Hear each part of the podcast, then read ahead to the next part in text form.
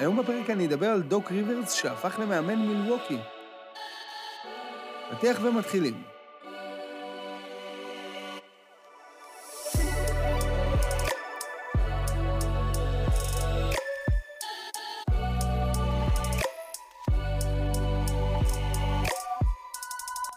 אז מילווקי בחרה לפטר את אדריאן גריפין, שזה אחלה, אבל היא בחרה להעסיק במקומו את דוק ריברס, שזה לא אחלה. מעבר לבעיה שמילווקי תשלם משכורות לשלושה מאמנים, כי היא עדיין משלמת על החוזה של מייק בודנולצר, שהיא פיטרה בקיץ האחרון, היא עכשיו גם תשלם חוזה לגריפין, תצטרך לשלם לו פיצויים, ולדוק ריברס, אז מה ההיגיון פה? כבר היה עדיף להחזיר את coach Bud.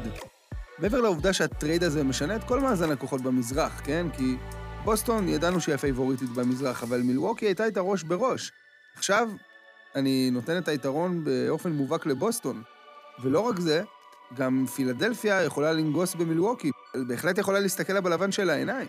עד לפני חודשיים, אם היה דירוג ברור שבוסטון ומילווקי מעל השאר, פילי מזדנבת מאחור. ואז זה כבר די פתוח, כשכוכבית על מיאמי, כי היא תמיד יכולה להפתיע מכל מקום בפלייאוף.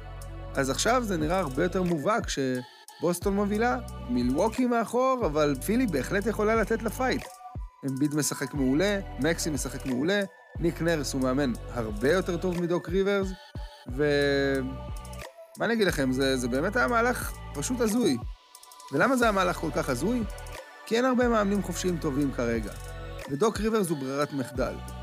עם כל הכבוד לדוק שזכה באליפות ב-2008, המאזן שלו, אחד הגרועים בהיסטוריה של הליגה. בפלייאוף הוא הוביל שלוש פעמים, שלוש אחת, והפסיד.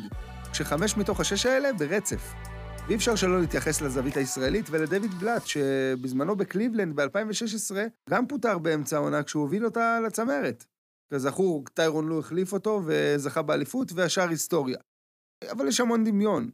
בלאט גם היה מאמן רוקי כמו גריפין, הוא גם פוטר מיד אחרי אה, וטו של הכוכב, במקרה ההוא לברון ג'יימס, במקרה הזה יאניס, אבל ההבדל היחיד זה שקליבלנד העסיקה את טיירון לו, שהוא מאמן מצוין, ו... מילווקי בחרה במאמן שהרס לשתי קבוצות טובות, לפחות סיכוי לזכות באליפות. ומה יקרה אם אה, מילווקי תהיה השלישית?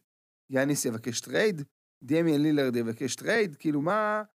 מה יקרה עכשיו אה, עם דוק ריברס, כאילו, אם הם לא הצליחו להגיע לגמר? בסופו של דבר זו קבוצה של אליפות או כישלון. זו קבוצה שמינימום, מינימום, מינימום צריכה להגיע לגמר המזרח.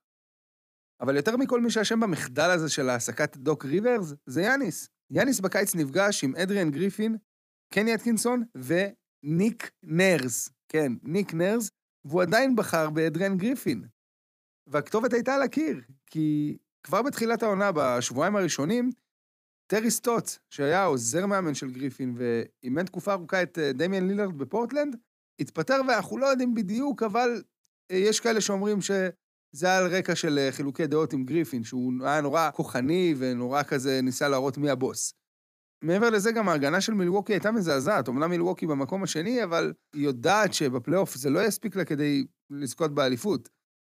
היה ברור שכשלילארד יגיע במקום הולידיי, זה ישפיע על ההגנה.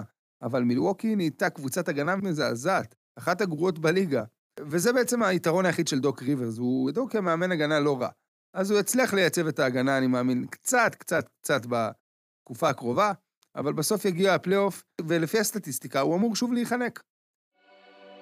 עד כאן לפרק הזה, מקווה שנהניתם, ואנחנו נתראה בפרק הבא.